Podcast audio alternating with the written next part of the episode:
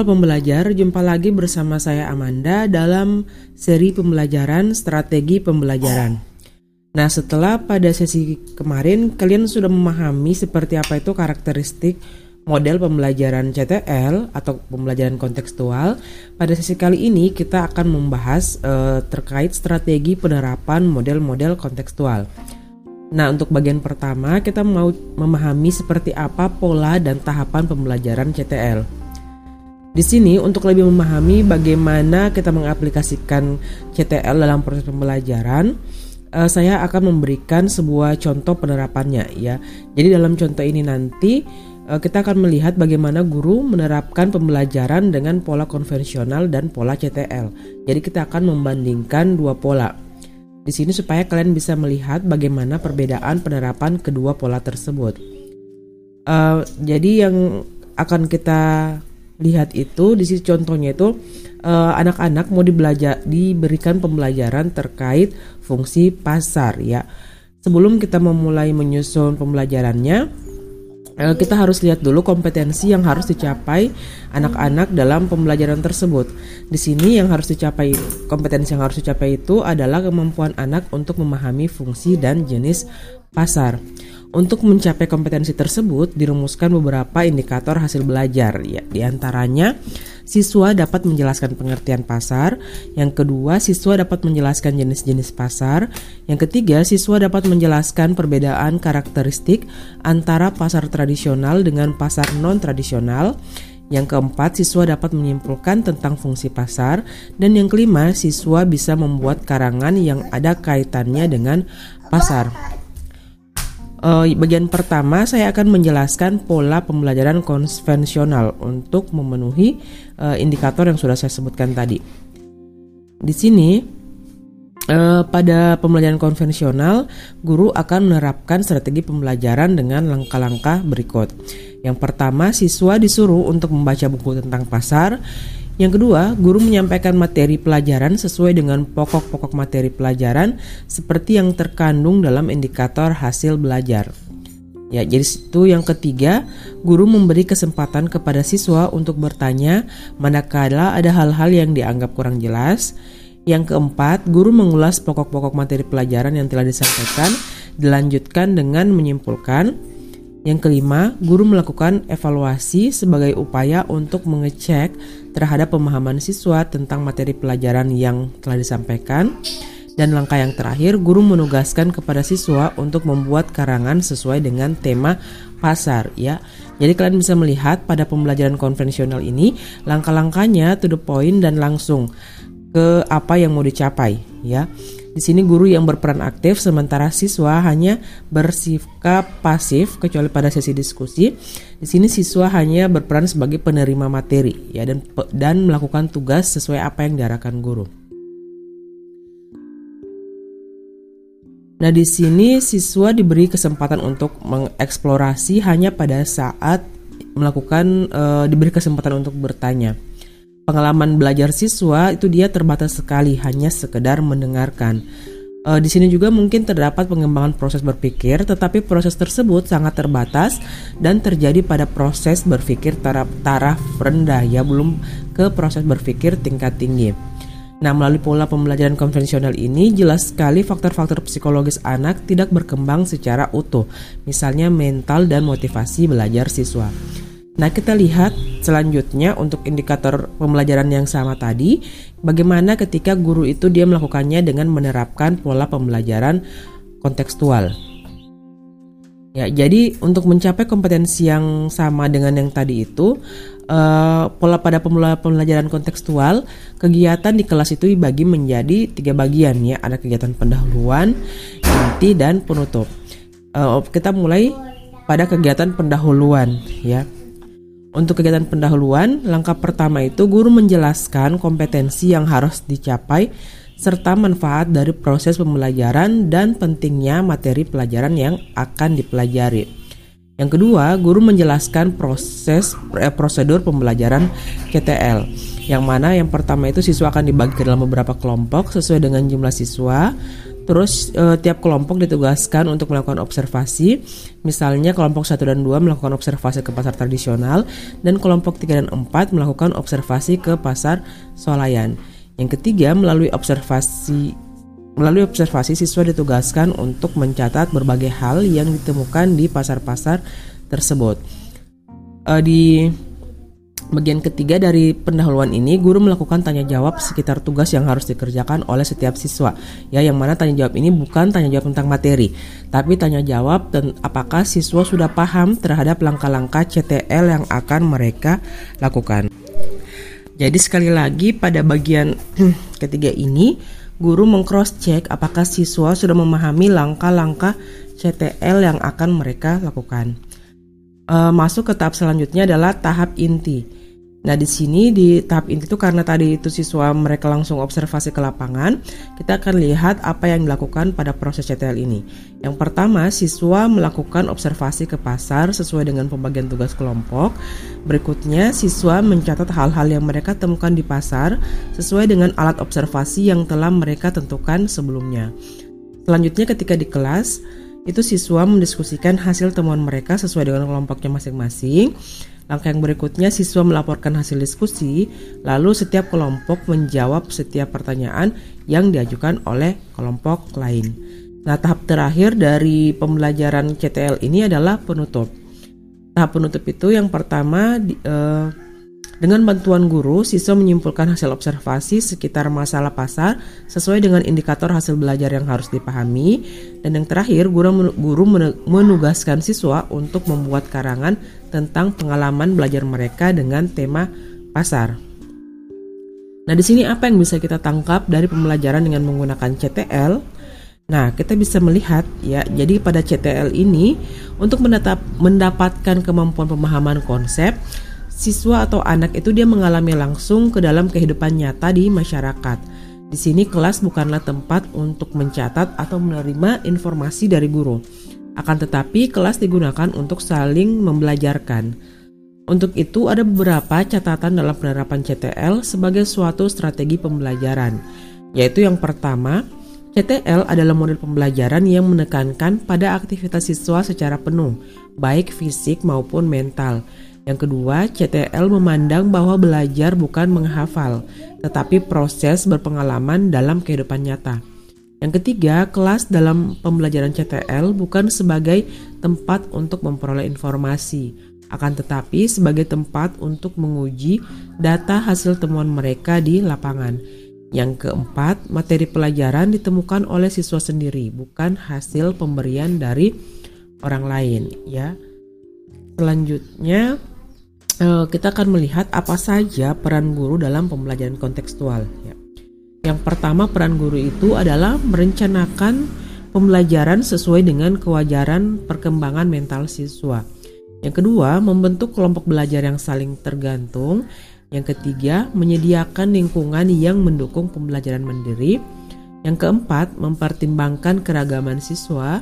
Yang kelima, memperhatikan multi intelijensi siswa. Yang keenam, menggunakan teknik-teknik bertanya yang meningkatkan pembelajaran siswa, perkembangan pemecahan masalah, dan keterampilan berpikir tingkat tinggi. Yang ketujuh, menerapkan penilaian autentik yang akan mengevaluasi pengetahuan dan berpikir kompleks seorang siswa daripada hanya sekedar informasi faktual. Nah, setelah tadi kita sudah melihat bagaimana langkah-langkah pembelajaran CTL, uh, tadi kalian ingat ada tiga tahap, ada tahap pendahuluan, tahap inti dan tahap penutup ya. Jadi yang mana nanti masing-masing tahap itu disesuaikan dengan uh, proses apa yang akan dilakukan oleh guru dan siswa.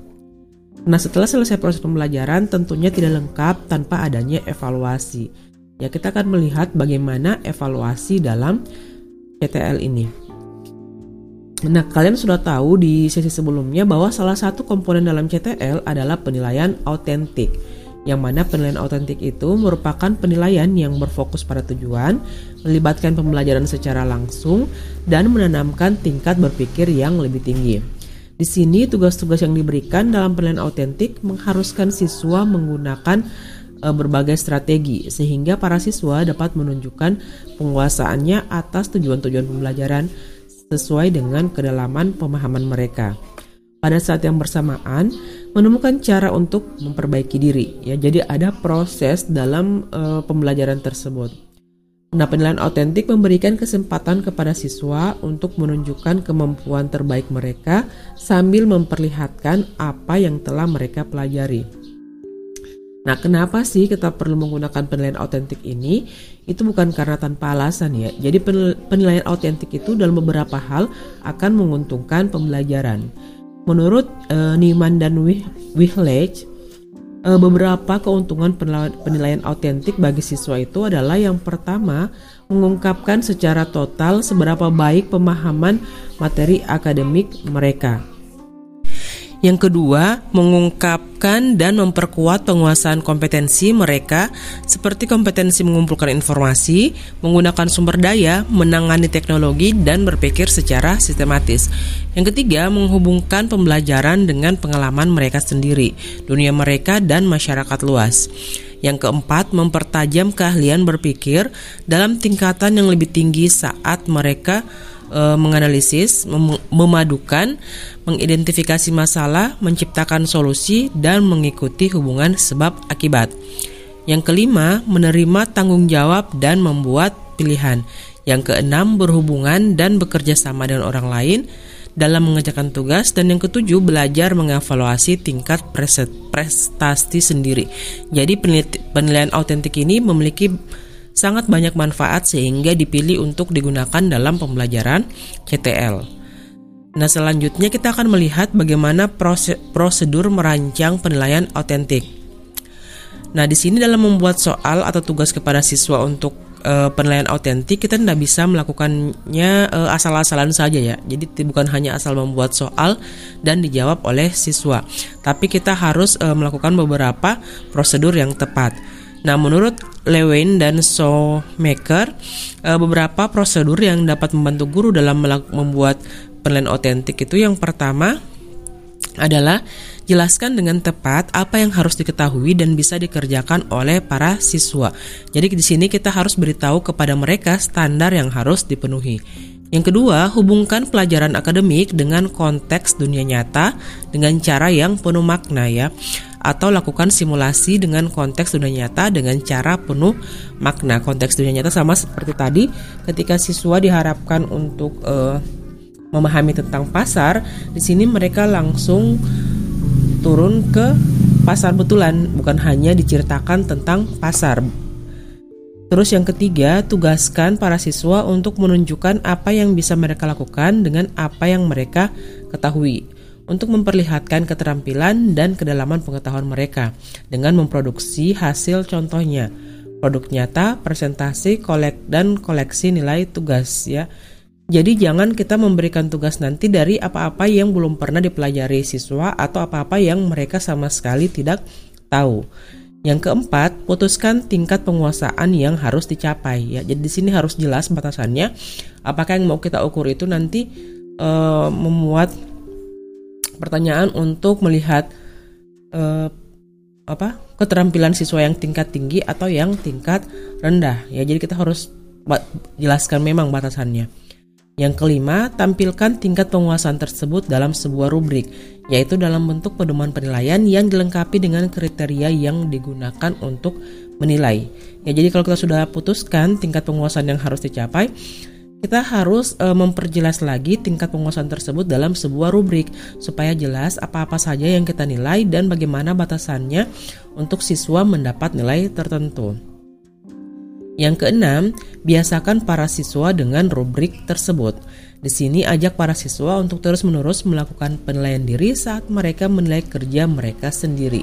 Ya, jadi rubrik ini sudah dijabarkan ke siswa dari sebelum dilakukan penilaian. Nah, untuk uh, sebelum sampai ke tahap evaluasi akhir, siswa itu harus dibiasakan untuk menilai diri mereka sendiri berdasarkan proses pemecahan masalah yang sudah mereka lakukan dengan menggunakan rubrik yang sudah guru siapkan sehingga nanti pada saat evaluasi akhir mereka sudah tahu oh apa yang harus saya perbuat untuk mendapat nilai yang saya inginkan. Dan yang ketujuh, libatkan sekelompok orang selain guru untuk menanggapi penilaian ini. Ya, jadi uh, setelah kita sudah siapkan penilaiannya, kita butuh orang lain untuk uh, menil apa menilai penilaian yang sudah kita buat atau istilahnya itu memvalidasi apakah penilaian kita ini sudah sesuai untuk uh, tingkatan siswa kita atau apakah dia kurang atau berlebihan. Nah, setelah melihat uh, uh, prosedur tadi, kita lanjut ke jenis-jenis penilaian autentik ya. Di sini ada empat jenis penilaian autentik yaitu portofolio, pengukuran kinerja, proyek, dan jawaban tertulis. Kita akan bahas satu persatu. Yang pertama adalah portofolio. portofolio eh, kemungkinan merupakan bentuk penilaian otentik yang paling terkenal ya. Kenapa? Karena ini paling sering digunakan. Portofolio itu muncul dari konteks kehidupan sehari-hari, yakni sebagai prestasi harian kelas yang dilakukan terus-menerus. Menurut Brooks dan Brooks, saat melakukan berbagai jenis tugas, Para siswa menilai dan mengumpulkan tugas dan selama itu mereka melihat diri mereka sebagai seorang yang kreatif dan memiliki kemampuan. Di sini para siswa memperoleh kepercayaan diri dan rasa mengemban tugas dengan mengumpulkan dan menilai pekerjaan mereka sendiri, hasil karya mereka sendiri. Nah, dalam merancang penilaian portofolio, tujuannya itu harus jelas. Siswa mengevaluasi pekerjaan mereka dengan mengacu pada tujuan yang sudah ditetapkan. Mereka merenungkan kemajuan yang mereka capai serta menetapkan target-target yang ingin mereka capai secara pribadi. Pada saat pembuatan portofolio, para siswa tidak hanya menunjukkan materi apa yang telah mereka kuasai, tetapi juga materi apa yang mereka senangi, bagaimana pendapat mereka, dan bagaimana menilai kemampuan mereka. Portofolio memberikan pilihan kepada siswa, membolehkan mereka belajar menurut cara mereka sendiri dan memberikan kesempatan untuk maju. Oleh karena itu, portofolio sama uniknya dengan siswa yang membuat portofolio. Di sini portofolio mendorong dan memotivasi semangat belajar siswa. Nah, portofolio ini biasanya dinilai oleh guru bersama-sama dengan pihak lain di sekolah atau dengan masyarakat. Nah, Danielson dan Aburt Aburtin mengatakan bahwa para orang tua memperoleh wawasan dengan menggunakan pedoman penilaian untuk menilai portofolio yang telah dibuat oleh siswa, ya. Yang berikutnya adalah proyek. Nah, sistem pembelajaran kontekstual sangat bergantung kepada proyek sebagai cara untuk mencapai tujuan akademik, sambil mengadakan penyesuaian gaya belajar, minat, dan bakat tiap siswa. Proyek membangkitkan antusiasme siswa untuk ikut berpartisipasi karena proyek menghubungkan muatan akademik dengan konteks dunia nyata. Di sini siswa yang dilibatkan secara sistematis menangani proyek membuat mereka merasa bahwa mereka dapat mencapai tujuan. Sebagai contoh, anak-anak sekolah dasar dapat dengan mudah menguasai langkah-langkah untuk menyelesaikan proyeknya. Ya. Sistem kerja yang seperti diusulkan oleh Deming menawarkan kepada anak empat langkah yang membantu mereka sukses menyelesaikan proyek, yakni kegiatan A, B, C, D. E, A-nya itu untuk arrange, B, B-nya itu untuk e, mengatur, eh bukan, A-nya itu untuk arrange atau mengatur, terus B-nya itu untuk begin atau memulai, C-nya untuk change atau mengubah, D-nya untuk uh, demonstrate atau mempertunjukkan. Nah, di sini kegiatan arrange itu atau mengatur tadi adalah ketahu uh, yang harus dilakukan anak adalah ketahui tujuan belajarmu, putuskan proyek yang akan dikerjakan, atur waktu sebaik-baiknya, siapkan persediaan, dan atur waktu untuk bertemu dengan orang-orang penting. Part, e, bagian beginnya atau memulai itu yang harus dilakukan siswa adalah melaku, mulai mengerjakan proyek. Terus yang change atau mengubah yang harus dilakukan siswa adalah sambil bekerja, lakukan perubahan yang akan memperkuat dan memperbaiki proyek. Yang terakhir demonstrate atau mempertunjukkan di sini siswa harus menunjukkan apa yang telah mereka capai. Ya, jadi tadi untuk menyelesaikan proyek siswa harus mengikuti keempat langkah tersebut. A, B, C, D. Arrange, begin, change, dan demonstrate. Nah, proyek dapat pula dirancang bersama dari beberapa mata pelajaran untuk menilai sekelompok siswa yang akan mempertunjukkan seberapa baik mereka dalam mencapai tujuan-tujuan belajar mereka. Dalam hal ini, masing-masing guru mata pelajaran bertanggung jawab untuk menentukan tujuan belajar dan mengembangkan pedoman penilaian untuk mata pelajaran mereka masing-masing. Penilaian autentik melalui bentuk proyek ini didasarkan atas konteks dan mengangkat permasalahan dalam persoalan aktual ya. Jadi eh, persoalan terbaru. Pertanyaan yang diberikan bukan hanya menyangkut fakta-fakta, tetapi juga pertanyaan-pertanyaan yang mendorong siswa membuka pikirannya. Selanjutnya kita masuk ke bentuk penilaian yang ketiga adalah pengukuran kinerja. Salah satu bentuk penilaian kinerja adalah penilaian mengenai pertunjukan yang dipertontonkan oleh siswa. Di sini eh, pengukuran kinerja ini dapat membantu memberikan penilaian asalkan mereka diberikan penjelasan oleh para guru tentang bagaimana memahami dan menerima menerapkan penilaian tersebut. Garner mengemukakan dengan kegiatan pertunjukan ini, maka akan tampak bahwa siswa telah uh, satu menguasai konsep, menguasai informasi, konsep dan keterampilan tertentu yang terdapat di dalam tujuan belajar. Yang kedua, memahami dan memenuhi kriteria yang dipersyaratkan untuk mengadakan pertunjukan. Yang ketiga, memperlihatkan bakat dan minat pribadi. Yang keempat, berkomunikasi dengan efektif dengan para penonton. Dan yang kelima, memberikan narasi yang seimbang dan atau e, melakukan diskusi tentang gagasan di balik tugas pertunjukan terakhir mereka. Ya, jadi e, pengukuran kinerja ini sama seperti unjuk kerja. Ya, jadi e, apa? Kalau proyek itu dia melakukan proses, dinilai prosesnya. Sementara kalau pada pengukuran kinerja ini langsung dinilai pada hasilnya bagaimana mereka eh, anak-anak itu atau siswa menunjukkan apa yang sudah mereka tahu. Bentuk penilaian yang keempat adalah tanggapan tertulis.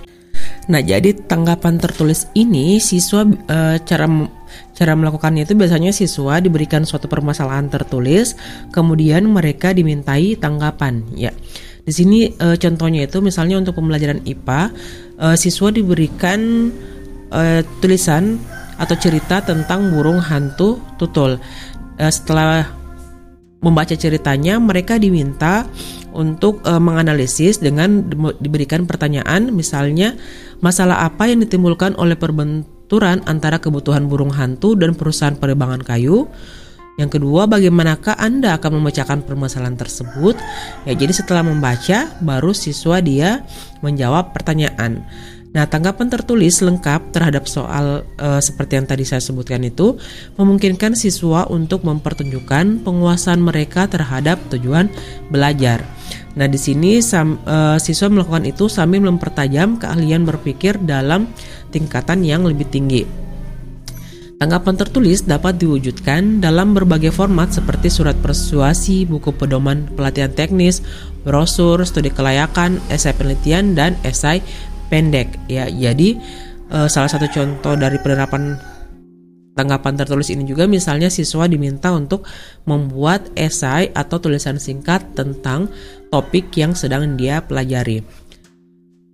Nah, jadi dengan menggunakan bentuk penilaian autentik yang sudah disebutkan tadi, baik membuat portofolio, mengembangkan proyek, e, menampilkan sebuah pertunjukan, atau menyiapkan pertanyaan yang akan dijawab secara tertulis oleh siswa, e, para diharapkan para siswa mampu mempertunjukkan secara lengkap lingkup pembelajaran yang mereka dapat, dan pada saat bersamaan menambah pengetahuan dan keterampilan mereka.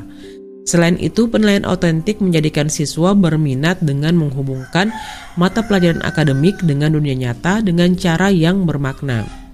Di sini, siswa tidak hanya menghafalkan fakta, tetapi menggunakan keahlian berpikir tingkat tinggi untuk tujuan penting yang mempengaruhi kehidupan mereka.